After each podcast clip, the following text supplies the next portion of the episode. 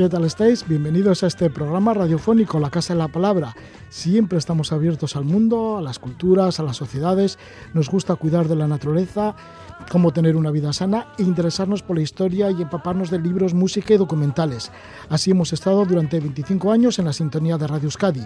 En esta nueva edición pues tenemos tres entrevistas, una de ellas totalmente nueva. Con ella vamos a comenzar. Conversamos con el filósofo y escritor Fernando Mora Zaonero.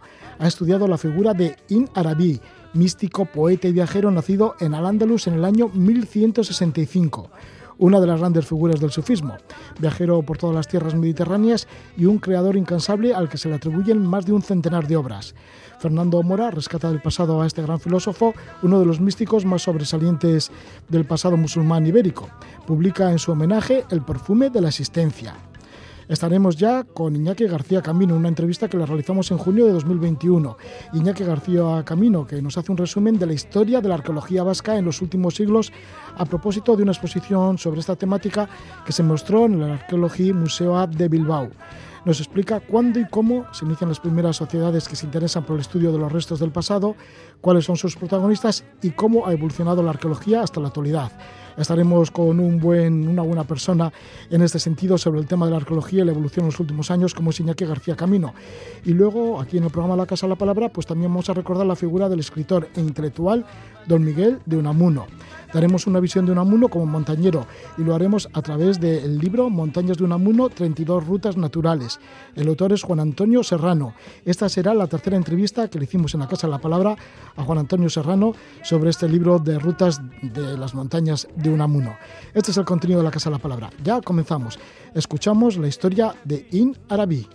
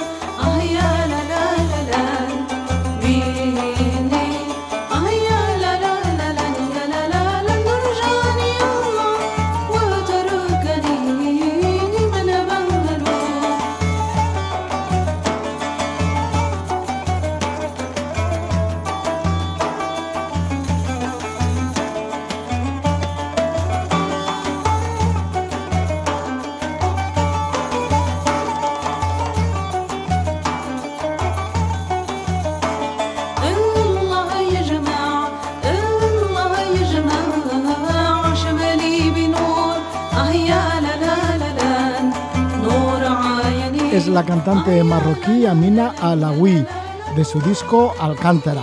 Ella nació en Fez y ha estudiado música tradicional árabe andalusí y algunos de los textos que le inspiran sus canciones son de In Arabi y vamos a hablar de In Arabi, místico y viajero de Al-Ándalus. Para ello vamos a estar con Fernando Mora que nos va a recordar esta figura de este místico viajero y gran escritor. Inarabi nace en 1165 en Murcia, Al-Ándalus, la parte islámica de la península ibérica, hasta 1492. Desde niño tuvo una gran tendencia hacia el misticismo, convirtiéndose con el tiempo en un gran referente del sufismo, rama mística del Islam. Fue un creador incansable al que se le atribuyen unas 300 obras literarias. Viajó en busca de maestros espirituales por países mediterráneos como Marruecos y Túnez. Con 36 años emprendió una peregrinación hacia la Meca recorriendo Arabia, también estuvo por Siria, por Irak y se quedó a vivir durante seis años en Konya, que es la actual Anatolia turca, un lugar muy conocido en el ámbito del sufismo. Murió en Damasco a los 75 años, en el año 1240. Fernando Mora nos habla de este personaje, de In Arabi, y diremos que Fernando Mora es filósofo, escritor, es autor de dos libros sobre la figura de este místico poeta y viajero. Eh, los libros se titulan In Arabi, Vida y Enseñanzas del gran místico andalusí, lo editó Kairos en el año 2011 y más reciente es el libro El perfume de la existencia, sufismo y nueva dualidad en In Arabi, de Murcia. Le damos la bienvenida a Fernando Mora, que nos habla desde Valencia. Buenas noches, Fernando. Buenas noches, ¿qué tal? Bueno, parece que In Arabi era un escritor prolífico, que tampoco paró de viajar y además tenía familia y hijos. ¿Cómo pudo hacerlo todo? Hombre, es que se casó, digamos, ya a una edad bastante, no avanzada, pero ya maduro, alrededor de los 40 años hasta esa fecha mantuvo una estricta eh, soltería, digamos, pero vamos, eh, tanto en su época de soltero como luego casado no dejó de escribir. Eh, escribía todos los días y como tú has dicho, se le atribuyen más de 300 obras sucede eso, o sea, que no, no le impidió tanto en su vida matrimonial como estando soltero, no fue ninguna de las dos circunstancias óbice para que desarrollara por inspiración, porque él siempre escribía por inspiración, eh, su labor literaria. Fernando, ¿cuál es el contenido de las obras de In Arabi? Porque si escribía por inspiración, por dictado espiritual, ¿por dónde van estas obras? Eh, bueno, tiene tanto obras de en prosa como en poesía. Tiene una, tiene miles de poemas que no han sido traducidos todavía a ningún idioma occidental. Ha sido traducido parcialmente y luego su obra en prosa, pues es muy, es muy vasta y prolífica.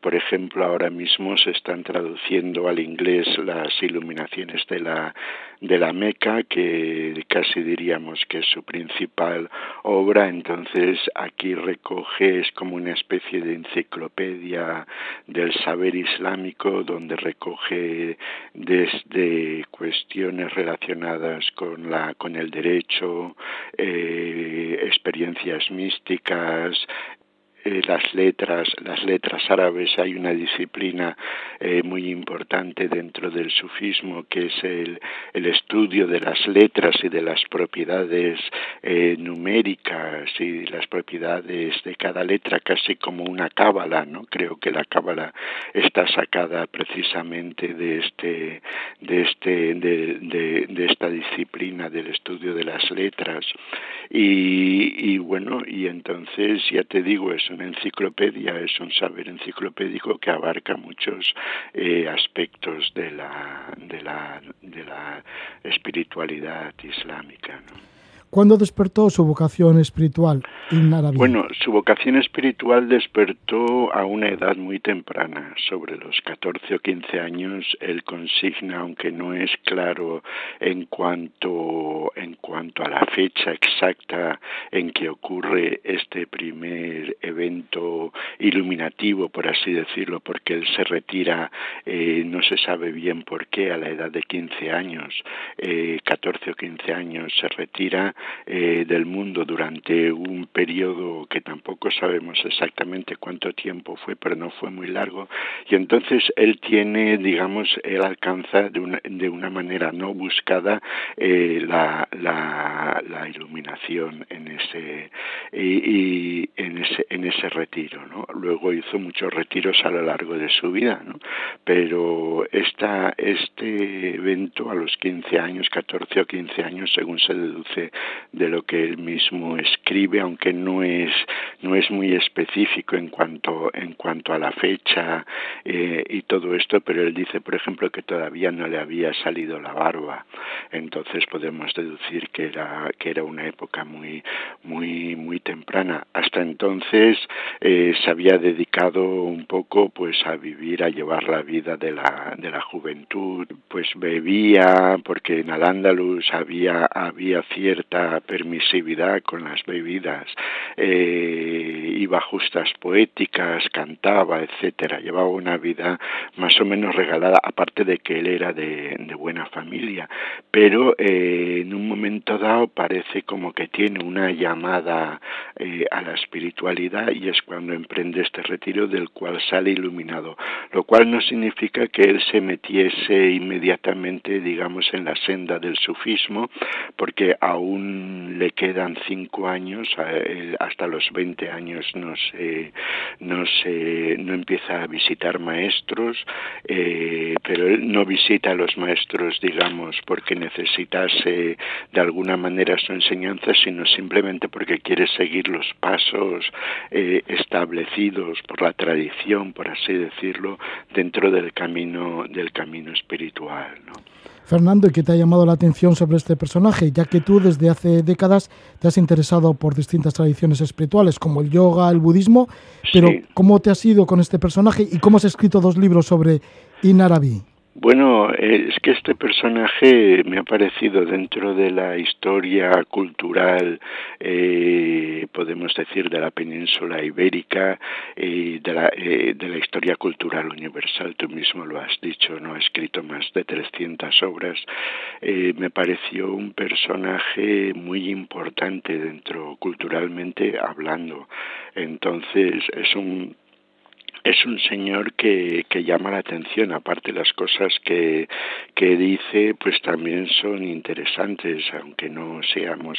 Él ha traído, ha llamado, eh, se han sentido atraídos por él gentes de, hay artistas y escritores de muy diversas características, no solo, y, y extracciones, no solo musulmanes, sino de todo tipo, ¿no?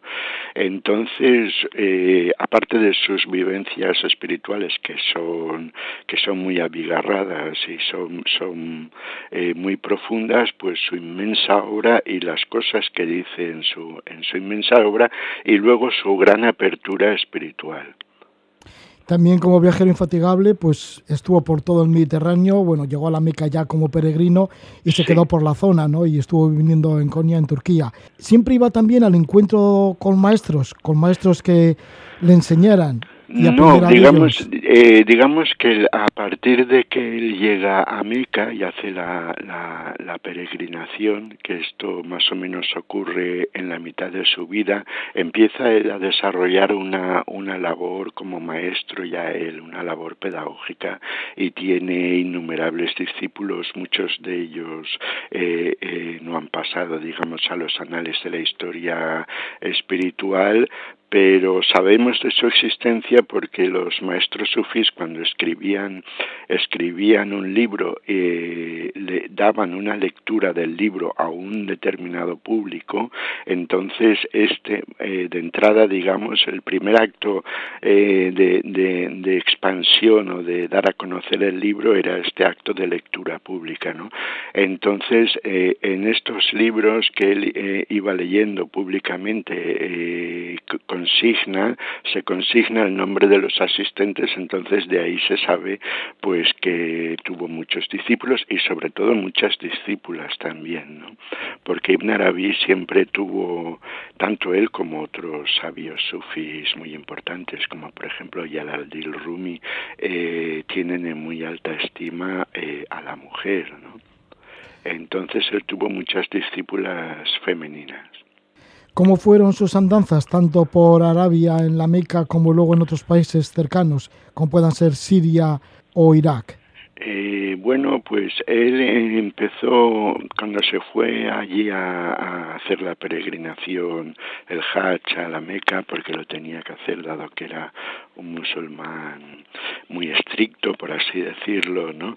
Eh, empezó en Marruecos y se trasladó en, en aquella época, pues ya se sabe los medios de transporte que habían, entonces se trasladaba pues andando en camello, en burro, desde Libia, o perdón, desde Túnez cogieron un barco y se fueron eh, con una, un, eh, eh, fueron costeando eh, eh, hasta llegar a Alejandría. Entonces en Alejandría ya eh, iniciaron el camino a través de Fustat o el Cairo, lo que hoy, es, hoy en día es el Cairo, hacia, hacia Oriente Medio.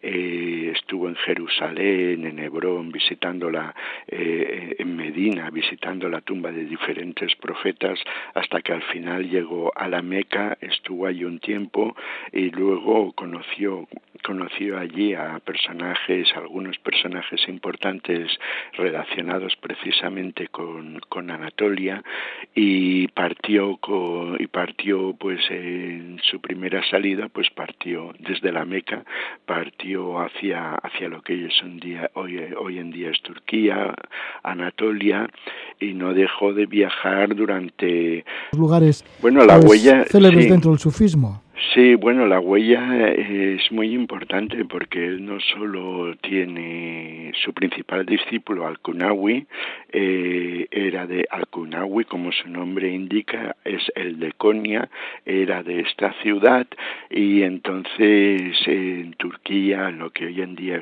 es, Turquía, dejó una, una, vasta, una vasta obra. De hecho, muchas de sus obras están recogidas en bibliotecas, en bibliotecas de Turquía desde hace cientos de años, pero su influencia, su influencia, la influencia de su enseñanza abarca todo el todo el orbe desde la China hasta hasta hasta el Magreb. Entonces es uno de los maestros más importantes que existen dentro del sufismo y una de las personas, digamos, dentro de la pura literatura, por así decirlo, que más ha escrito. Entonces aquí en España eh, lo que ocurre, pues como toda la, la, la, tradición, todos los, los autores, filósofos y demás que hay, que hay varios muy importantes de la tradición islámica, pues se han visto de alguna manera soslayados por el curso, por el curso de la historia, ¿no? De hecho, Ibn Arabi hasta el año mil, hasta principios del siglo XX, que en 1931 publica sin palacios eh, eh, el Islam cristianizado, que es un estudio sobre la vida y obra de Ibn Arabi, un estudio fundamental, digamos, hasta esa fecha. Bueno, y mucho después, eh, hasta hace poco no se no se ha conocido no se no se ha conocido su figura, ¿no? Sí, y hay, hay países como la actual Arabia Saudita que sus obras están prohibidas. Sí, sí, sí, están prohibidas porque él tiene una visión, digamos, que no es... Es que dentro del Islam han existido y existen numerosas corrientes del Islam, no es un movimiento monolítico, por así decirlo, ¿no? De hecho, en el Islam no existe, como por ejemplo en el cristianismo, en las diversas eh, escuelas y sectas cristianas, no existe una figura, un papa, ni nada parecido, ni un pope, ni nada por el estilo. Entonces ahí hay una gran efervescencia de obras y de pensamientos dispares. Lo que pasa es que, bueno, en los últimos años, tal vez, eh, seguramente por razones políticas y de otra y de otra índole, pues se ha venido ha venido um, eh, cobrando importancia por diversas razones históricas un Islam que no sé si llamarlo Islam eh, muy rígido, por así decirlo, ¿no? que es el Islam este extremista que vemos en, en, en, tantos países hoy en día de Oriente Medio, ¿no?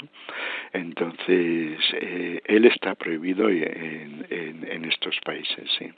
En Arabia Saudita es... Eh, eh, vamos, si te, si te cogen un libro de Ibn Arabi, vas a tener problemas. Sí, sí.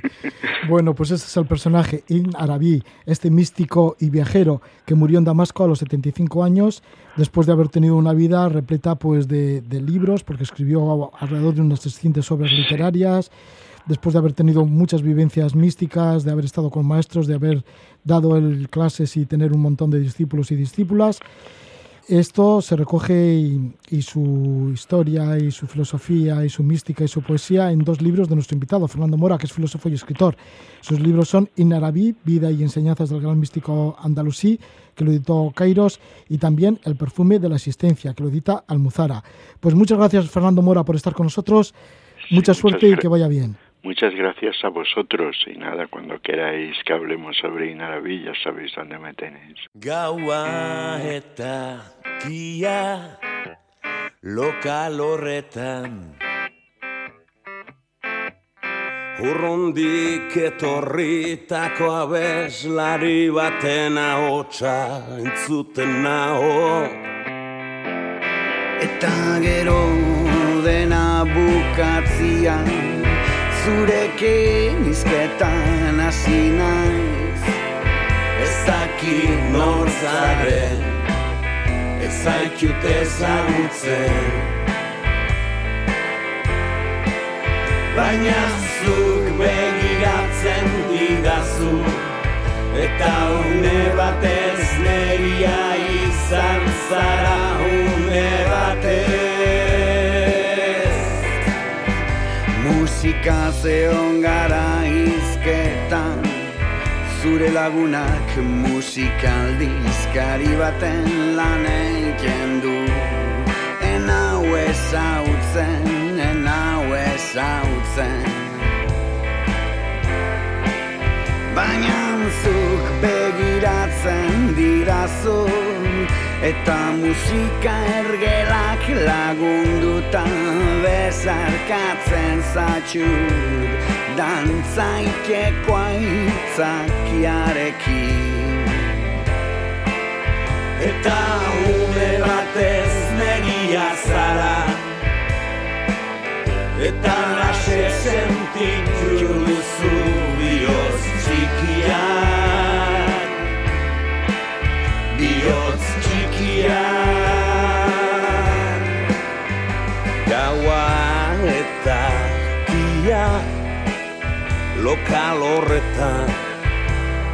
Es el tema Goa Takeam. Lo hace Chuma, Rafa y Peti, así se llamaba este disco del año 2006 con el título de Ause. Y aquí están Chuma Murugarren, Rafa Rueda y Peti. Vamos a recordar esa música de ese año, del año 2006. Y ahora pues nos vamos a ir hacia la Arqueología Museo A de Bilbao, ya que hay una muestra, una exposición sobre la historia de la arqueología vasca, desde los primeros estudios realizados en el siglo XVIII hasta la actualidad, a través de más de 100 piezas originales. Viene a ser un homenaje a los arqueólogos y arqueólogas pioneros y pioneras de épocas anteriores. Nos acompaña Iñaki García Camino, director técnico de Arqueología Museo A de Bilbao. Durante 18 años, Iñaki fue arqueólogo de la Diputación Foral de Vizcaya. Es doctor en Historia gracias a una tesis sobre el poblamiento de Vizcaya en la Edad Media a través de los datos de la arqueología. Le damos la bienvenida a Gabón, Iñaki. Gabón. Bien, Iñaki, pues vamos a dar un repaso breve a la historia de la arqueología vasca y a esos arqueólogos y también vamos a conocer un poco esta exposición de arqueología y museo A. Eh, ¿Qué existía antes del siglo XVIII? Bueno, antes del siglo XVIII, fundamentalmente lo que existía era eh, coleccionismo. Es decir, eh, se recogían materiales eh, arqueológicos, pero no desde una perspectiva científica. Eh, se recogían pues por sus caracteres estéticos, artísticos y en el mejor de los casos eran interpretados desde un punto de vista histórico para ilustrar los debates de aquel momento, unos debates que funcionaban o se desarrollaban en torno a la población vasca como heredera de Tual, el nieto de Noé. Entonces todo se interpretaba desde ese punto de raíz bíblica, ¿no? Y cuando aparecían algunos materiales que pudieran ser extraños, como eh, dólmenes que no se entendía lo que eran en aquel momento, eh, pues eh, se interpretaban como el resultado de las invasiones celtas o romanas que afectaron al país en aquel momento. ¿Y cómo se creía que esto del nieto de Noé que, estuvo por aquí o que se asentó en la península ibérica? Sí, en la península ibérica, sí. Eh, bueno, pues es una tradición bíblica que, bueno, que el nieto de Noé eh, partió, como se dispersaron todos sus, sus, hijos y sus nietos, se dispersaron y poblaron el mundo, ¿no? Y a Tubal le correspondió esta parte del occidente, ¿no? Bueno, pues esto era antes de que se creara como ciencia la arqueología y la exposición pues comienza en el siglo XVIII, ¿no? Y lo habéis dividido la exposición en cinco unidades. Sí. Eh, la primera empieza en el siglo XVIII, en, en, concreto, mm, por poner una fecha, que es algo que nos gusta bastante a los historiadores, eh, podemos decir el año 1765. ¿no? 1765 es el momento en que se crea la Sociedad Vascongada de Amigos del País, que trata de desarrollar económicamente el territorio, ¿no? los territorios vascos. Y entonces, bueno, pues hay un grupo de ilustrados, de eruditos, que empiezan a preocuparse por el pasado, ¿no? Un poco desde esa perspectiva bíblica que antes decíamos, ¿no? Pero también aportando ya eh, nuevas eh, novedades, ¿no? Entre ellos estaban clérigos, ¿no? Como Juan Ramón Iturriza. Juan Ramón Iturriza para Vizcaya es un referente esencial. Eh, Juan Ramón de Iturriza era un erudito, un ilustrado de estos que decimos, nacido en Berriz, y que escribió una historia de Vizcaya incluidas las encartaciones, porque lo titula así, Historia de Vizcaya y epítome de las encartaciones, que eh, es un fiel reflejo de la sociedad eh, y de eh, los paisajes de aquellos momentos. ¿no?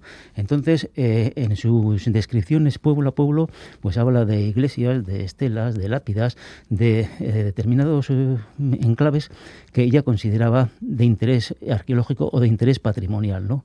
en el que se sentía referenciado y en el que sentía que existían las huellas de los antepasados. ¿Cuál sería la segunda unidad? El segundo salto que dais en la historia de la arqueología? Sí, eh, comienza en 1916. 1916 es una época eh, significativa, porque en 1916 se descubren las pinturas de la cueva de Santimamiñe. La cueva de Santimamiñe, que hoy es patrimonio eh, de la humanidad y es un referente además universal. ¿no? Pues eh, se descubren las cuevas y un equipo multidisciplinar formado por José Miguel de Barendirán, Enrique Eguren y Telósforo de Aranzadi iniciaron las excavaciones dos años después, en el año 1918, y tras la las excavaciones, o al tiempo que las excavaciones de Santiago pues excavaron otras eh, multitud de dólmenes, de tómulos y permitieron recuperar unos materiales muy importantes como documentos históricos y que poco tenían que ver con los que se habían recuperado en la época anterior, porque son mucho más modestos. Como decía antes, en, el siglo XIX, pues fundamentalmente eran los objetos artísticos, estéticos, bellos, los que eh, se consideraban parte del patrimonio. Eh, a partir de estos momentos son objetos cotidianos, eh, herramientas, eh, piedras, incluso que vistas por un profano no, no serían más que piedras. y que sin embargo, pues al aparecer en un contexto estratigráfico, en una excavación arqueológica, con marcas de uso, de haber sido talladas, etcétera, pues sí se empezaron, se valoraron por, por ello, ¿no? Porque eran los testimonios de las personas que nos habían precedido. Podían ser algo así como los padres de la arqueología vasca, estas tres personas que has nombrado, José Miguel de Barandelán, que es antropólogo, Enrique Guren, que es geólogo, y Telesforo Aranzadi, que es antropólogo físico. Sí, se puede considerar que son los padres de la arqueología vasca. Eh, ellos formaron a otros, como a Jesús Altuna, Juan María Pellaniz, eh, Ignacio Barandiarán, Armando Llanos, y ellos nos formaron a nosotros, a la eh, como podríamos decir, de, tercera generación, los que acabamos la carrera en torno a eh, los años 80, eh, que también eh, pues rompimos un poco y fuimos los primeros, ha sido la primera generación que ha podido vivir de la arqueología, ¿no? Sí, y este primer periodo fue un periodo fructífero muy fructífero, porque eso, como comentaba, se hicieron multitud de excavaciones, se recuperaron muchísimos materiales eh, y lamentablemente eh, concluyó de forma eh, traumática, de forma violenta por la guerra civil. Se encontraba Barandierán excavando en la cueva de Urtiaga cuando vio en el valle movimientos de tropas y movimientos un poco extraños, ¿no? y bueno, y tuvo que abandonar la excavación en la cueva de Urtiaga, que está en Deva, y pasó por Vitoria, por el seminario, y marchó a continuación al exilio. Así, que este periodo fructífero termina con la Guerra Civil en el año 1936. En, 1936, sí. Con la Guerra Civil y la marcha de Bandirán al exilio, el equipo multidisciplinar de los tres eh, eh, antropólogos eh, se rompe y, bueno, y empieza una nueva fase una nueva fase. ¿Y quién continúa estas investigaciones entonces, después de la guerra? Se continúa poco eh, y habría que matizar en los distintos territorios. Por un lado, en Iparralde, en el País Vasco continental, eh, continúa los estudios. Eh, continúa los estudios de dólmenes fundamentalmente y se pone en contacto con investigadores europeos, lo cual le permite actualizarse y modernizar sus líneas de investigación y sus trabajos. Por otro lado, en lo que actualmente es la comunidad eh, autónoma vasca, en Vizcaya, en Guipúzcoa y en Álava, la arqueología se ralentiza mucho, eh, especialmente en Vizcaya y en Guipúzcoa. Eh, no hay proyectos de investigación.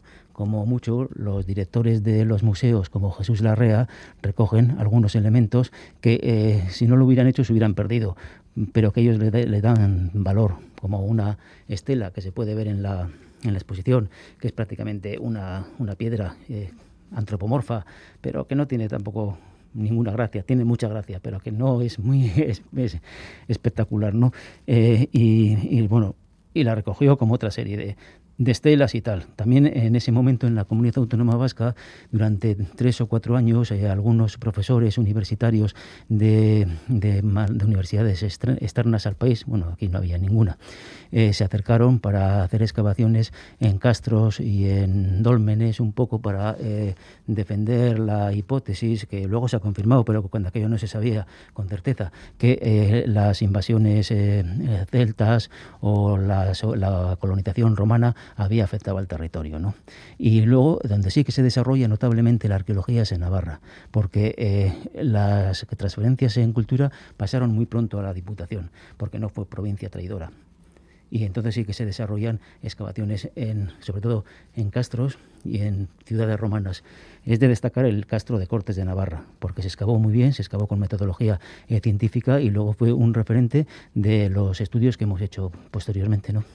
¿Qué sucede cuando en el año 1953 regresa del exilio Barandiarán? Bueno, se reactivan todos los trabajos que habían sido concluidos por la guerra. La cueva de Urtiaga, la cueva de Aslor, eh, la cueva de Santimamiñe, vuelve sobre ellos Barandiarán con eh, nuevas perspectivas, con eh, nuevos planteamientos más abiertos y crea también una generación de, de arqueólogos, de, arqueólogos jóvenes que matizan sus propuestas, las desarrollan eh, y profundizan en sus investigaciones. Como que he citado antes cuáles eran. Sí, sí, sí. Así que llegamos ya a la década de los años de 1980, que sois vosotros, ¿no? Los jóvenes arqueólogos los que tomáis un poco la batuta de, de lo que sucede. Sí, y bueno. Y en cuanto a investigaciones. Lo que hicimos fue responder un poquitín a las preocupaciones de nuestra sociedad, como bueno, como se hace eh, siempre en estos casos, ¿no? Eh, era un momento en el que las eh, transferencias de cultura pasaron a las a los gobiernos, a los recién creados gobiernos autonómicos y se empezó a conocer el patrimonio y empezamos ya como sociedad me refiero a reconocernos en ese patrimonio, en patrimonio que había sido olvidado en los años anteriores. Pues eh, por poner ejemplos, eh, pequeñas ermitas, eh, caleros, neveras, yacimientos de muy poca entidad, sin ser tan espectaculares como Numancia y otras que existen al, sur pues se empezó a valorar todo ese patrimonio y se empezaron a hacer nuevas preguntas.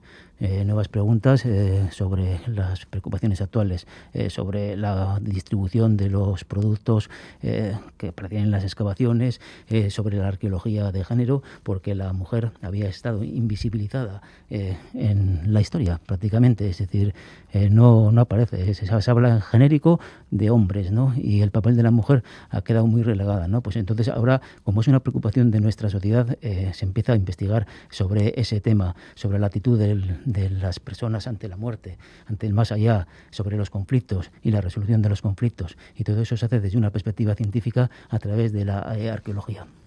Así que hoy en día los descubrimientos, por supuesto, son mucho más rápidos que los que investigaban anteriormente los arqueólogos. Bueno, son diferentes, se hacen eso, unas analíticas mucho más complejas, se recogen materiales y objetos que son considerados patrimonio, en tanto que son documentos históricos que antes no lo eran, ¿no? Por ejemplo, eh, y eso se puede ver, muy claro en la exposición. La, la zona o la sección más antigua de la exposición, pues eh, tiene objetos eh, grandes, con cuencos grandes, mosaicos, etcétera. Y en esta pequeña, en esta última ya hay cosas mucho más pequeñas. hay de tierras, semillas objetos eh, bueno, que no son nada si no fueran porque han aparecido en un contexto eh, arqueológico y de ellos se puede extraer información para conocer el funcionamiento de las sociedades del pasado. Hasta se puede encontrar alguna lata de conserva recogidas en una trinchera en la guerra civil, en vuestra exposición. Sí, sí, así es. Eh, por ejemplo, eso, en la vitrina de, que está dedicada a, la arqueología del conflicto, pues podemos ver, conviviendo en la misma vitrina, un un torso de una persona eh, fallecida en un combate en, en, la época del Neolítico, atravesada por una, por una punta de flecha de siles. Eh, se puede ver en esa misma vitrina eh, unas balas de la fábrica de Orbaiceta, ¿no? como reflejo de la institucionalización, institucionalización de la violencia. ¿no? Y se puede ver también unas latas que pues servían para que los que milicianos, etcétera, eh, en las trincheras pudieran eh, subsistir.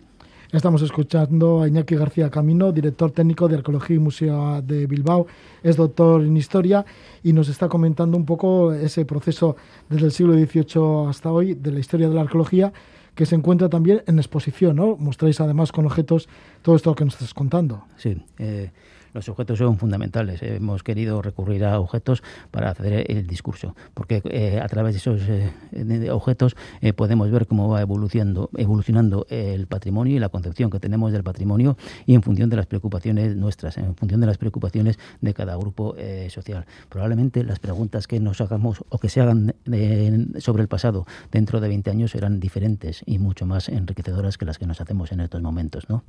Muchísimas gracias por la visita, Iñaki García Camino.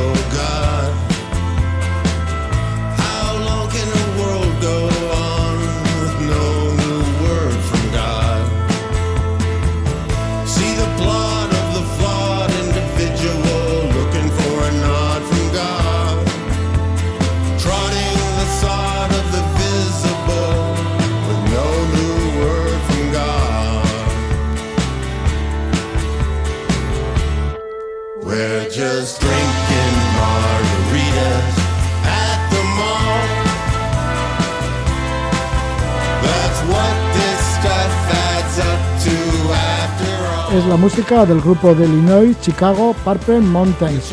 En la Casa de la Palabra seguimos hablando de Miguel de Unamuno, Miguel de Unamuno que vivió entre 1864 y 1966, escritor, filósofo, catedrático, enamorado del paisaje y montañero. Caminaba, ascendía a cumbres y también escribía sobre ello. El profesor de matemáticas, Juan Antonio Serrano, ha captado la gran afición de Unamuno al montañismo, al senderismo y le ha dedicado un libro. El libro lo tenemos aquí presente, Montañas de Unamuno, 32 rutas naturales. Es una guía de excursiones con descripciones, fichas, mapas, fotografías, a las que se le añade textos del propio Miguel de Unamuno con sus descripciones. De manera que las páginas sirven tanto como de texto de montaña como también de lectura. Unamuno era catedrático de Salamanca, fue desterrado a Fuerteventura y exiliado en París, también estuvo varios años en Endaya, recorrió el Estado español, también Europa, y todo esto se recoge en este libro, Montañas de Unamuno, 32 rutas naturales. Es la tercera vez que hacemos una entrevista sobre el libro porque, claro, tiene tanto contenido y llama tanto la atención las rutas y las montañas que tanto quería Unamuno que volvemos a estar con su autor, con Juan Antonio Serrano. Juan, bienvenido, muy buenas noches, Gabón. Gabón Roge, buenas noches. Bueno, que es interminable, tanto Unamuno como sus descripciones y sus rutas, ¿no? Sí, sí, Unamuno tiene una variedad, digamos, artística que parece que cuando te metes con él eh, estás tratando con o siete personajes. Es como cuando empiezas a ver la obra pictórica de Picasso, ¿no? que te parece que estás tratando con siete artistas diferentes, una cantidad de facetas terribles. Sí, y aquí en este libro pues has seleccionado 24 ascensiones y 8 caminatas que discurren por 16 pasajes, algunos, bueno, 16 parajes eh, entre las, las ascensiones y caminatas 16 parajes, algunos son pues de gran interés ecológico, reservas de la biosfera. Efectivamente, sí. Eh, claro, en la, época que lo recorrió Unamuno, hace eh, más o menos 100 años, no tenía la catalogación que ahora tenemos de parques nacionales porque, o, reservas de la, de la biosfera, porque estos empezaron en 1872 con, en Estados Unidos, ¿no? Me parece el Yosemite fue el primero, creo. Entonces, claro, el primer parque nacional español es de 1911. Entonces, no, pero entonces Unamuno solo se podía basar en mm, viajeros anteriores eh, o, en lugareños, porque claro, no había guías, no, había absolutamente nada sobre esto. Y en España eh, no había ninguna tradición senderista en este sentido. Así que ahora que te has metido a seguir algunas de estas rutas de Unamuno, sí que te has encontrado, pues eso, con reservas de la biosfera, con parques nacionales, parques naturales, geoparques. Efectivamente, efectivamente, sí, hay una catalogación enorme de, espacios naturales y algunos, aunque no están catalogados, por, por ejemplo, Gredos, Gredos no es parque nacional, pero por unas conveniencias, no sé si ganaderas o políticas, pero Gredos es un, es un espacio eh, natural y aunque no catalogado, me parece que es parque regional impresionante. Sí hay parques, hay otros parques nacionales como eh, Guadarrama, hay otros, eh, está la Sierra de Francia, está hay parques en eh, Galicia, estamos hablando de Euskadi, estamos hablando de, muchos espacios naturales, estamos hablando del Vesubio, que es otro parque nacional, estamos hablando de muchos espacios naturales. Sí, porque también estuvo, bueno, pues por las islas, por Canarias, por otros muchos sitios, ¿no? me parece que también por Baleares, ¿no? Efectivamente, y, luego también una buena parte de Europa. Efectivamente, sí, sí, claro, todo todos los las Islas Canarias, cada una de ellas es, un, prácticamente un parque nacional, ¿no? Entonces, eh, tanto Gran Canaria como Tenerife, como Fuerteventura y, en otras eh, en otras islas como, bueno, estamos hablando de Mallorca, también está en un espacio natural muy importante, que es la Sierra de Tramontana, ¿no? Entonces, todos los espacios por los que anduvo Unamuno y los periplos, viajes de varios días que hizo por la geografía peninsular, bien a pie, bien a caballo, pues eran verdaderas aventuras. Estamos hablando de hace 120 años o 100 años y claro, eh, tienen una relevancia paisajística y natural importante. Porque esa afición de Unamuno al paisaje y a las montañas, ¿qué buscaban ellas? Eh, mm, bueno, en principio es, eh, yo creo que es el único escritor hispano que, no solamente describe la naturaleza, digamos, desde lejos, diciendo que bella es, sino que la recorre, empieza a, patearla y la describe, ¿no? Y además dedica una parte de su obra literaria a a la naturaleza, ¿no? Entonces, al paisajismo, al paisajismo pero no entendido como ahora se entiende la palabra, el paisajismo arquitectónico, el paisajismo de jardines, no, no, el paisajismo natural. Entonces, él, dijo en una, en una frase muy conocida, eh, prefiero cualquier bravío rincón de montaña a todos los jardines de Versalles, sin que esto quiera decir que no me gusten estos jardines. En tratándose de naturaleza me gusta toda, lo mismo la salvaje y suelta que la doméstica y enjaulada, aunque prefiero aquella es un paisajista natural, buscaba lo salvaje de la naturaleza. Sí, ya yo estuvo de catedrático en Salamanca y cuando podía, pues sí que también se hacía a los montes y a caminar. Y así entre las 32 rutas naturales, pues ahora, por ejemplo, te preguntaría por una que la tenía muy a mano, la que iba desde la misma ciudad de Salamanca hacia Flecha, hacia la Flecha. Sí, sí. Bueno, él, él, mm, como es conocido, él ah, sacó unas oposiciones en Salamanca, entonces se fue a vivir allí, después de nacer en Bilbao, tener una serie de vicisitudes, estudiar en Madrid tres años, eh, fue, sacó la cátedra en Salamanca y en Salamanca él em, empezó a descubrir los lugares que había alrededor de Salamanca. Y Salamanca es una llanura. Eh, Unamuno, como todo habitante, o bueno, como todo, o como muchos habitantes de la vertiente cantábrica peninsular, pensaba que al sur de la cordillera cantábrica todo era llano y más o menos mucho más seco que digamos la, cordillera cantábrica, que, el cantábrico. Entonces él cuando escribió esta ruta de Salamanca a la Flecha, que es, es un enclave al lado del Tormes, que es como sabemos el río que pasa por Salamanca, pues eh, no conocía todavía las montañas y los espacios centropeninsulares montañosos que, le, que, le, fascinaron. Entonces, esta es una descripción de una ruta mm, sosegada, tranquila, mm, eh, yendo a un espacio donde tenía el huerto Fray Luis de León, que como he sabido también trabajó en la universidad, fue un elemento muy importante en la Universidad de Salamanca. Esta ruta, claro, como todas ellas las has hecho, has hecho tú, ¿no? Sí, sí, y además cuando me enteré de esto, porque a, mí, mi, y como hemos, me parece que hemos comentado en alguna otra ocasión, eh, mi interés por Unamuno empezó por el paisaje, ¿no? Em, leí unos poemas de él que tenía mucha conexión con el paisaje y entonces ya cuando me enteré de lo que era la flecha, pues, pues fui a Salamanca y pregunté en las oficinas de turismo dónde estaba la flecha y, no sabían dónde estaba, no me, no me sabían indicar y resulta que Unamuno en sus escritos dice que todo habitante o todo visitante de Salamanca tendría que ir a la flecha, porque es un espacio literario, por esto que hemos comentado, de Fray Luis de León, donde tenía su... Es un enclave a pocos kilómetros de Salamanca. ¿eh? Unamuno fue exiliado, bueno, fue desterrado a Fuerteventura y ahí marcas una ruta al monte Jandía, que viene a ser el monte más alto de Fuerteventura, de 807 metros. Efectivamente, sí, Fuerteventura es una isla. Estamos eh, mm, ya damos un salto de muchos años eh, después, o sea, de, esto que hemos comentado, de la estancia de Unamuno eh, mm, en Salamanca.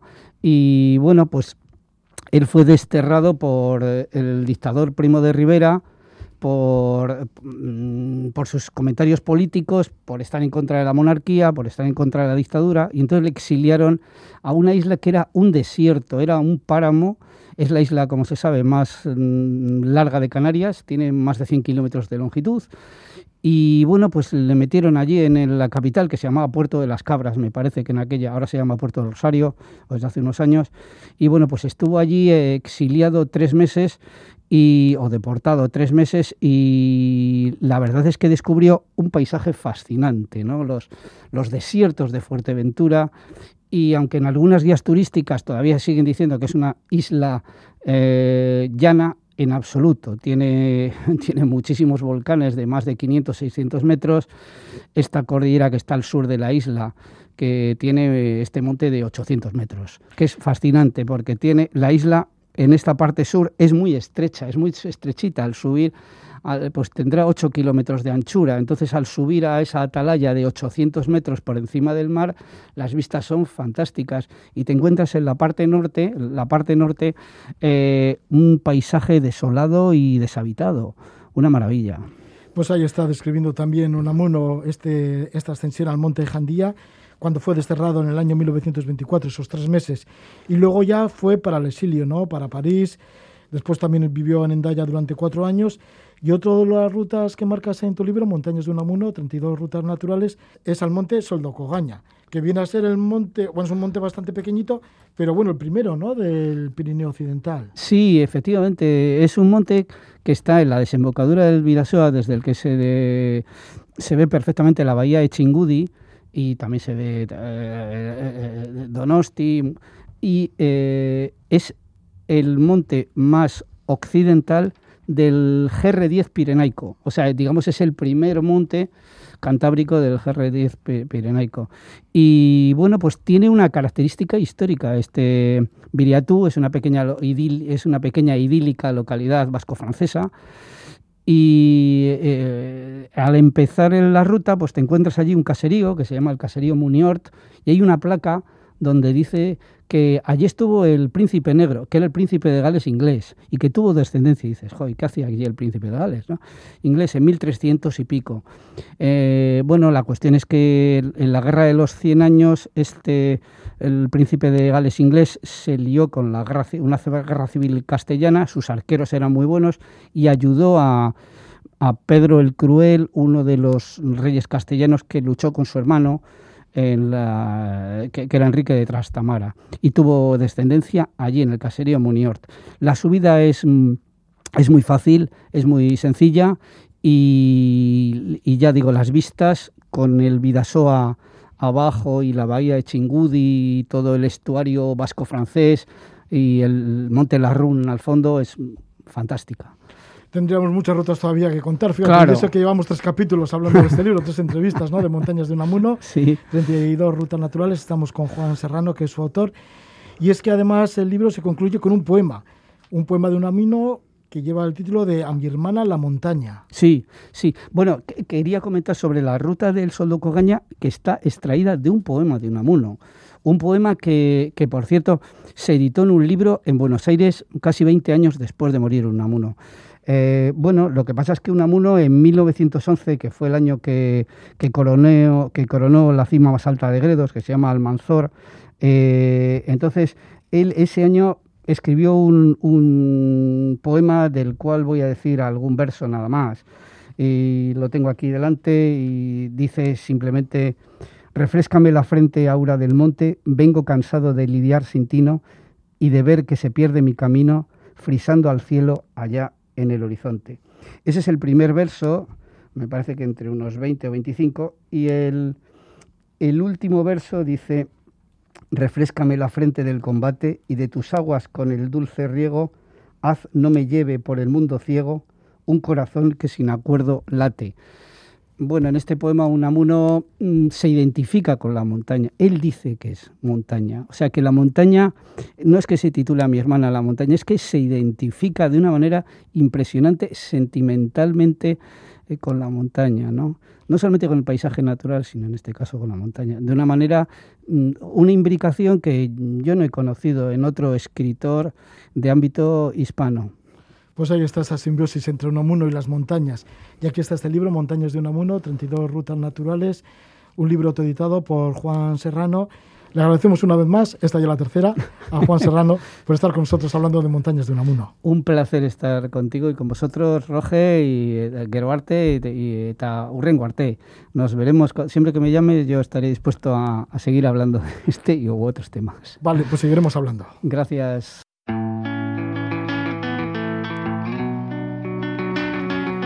Esta era la tercera entrevista que realizamos a Juan Antonio Serrano, autor de este libro, Montañas de Unamuno, 32 rutas naturales. Una entrevista que le emitimos la primera vez el 2 de junio de 2021. Escuchamos la música del grupo de Oñati, Mila Mudu, con el tema Irrifarren Vila de su disco Intra. A gozar de la vida.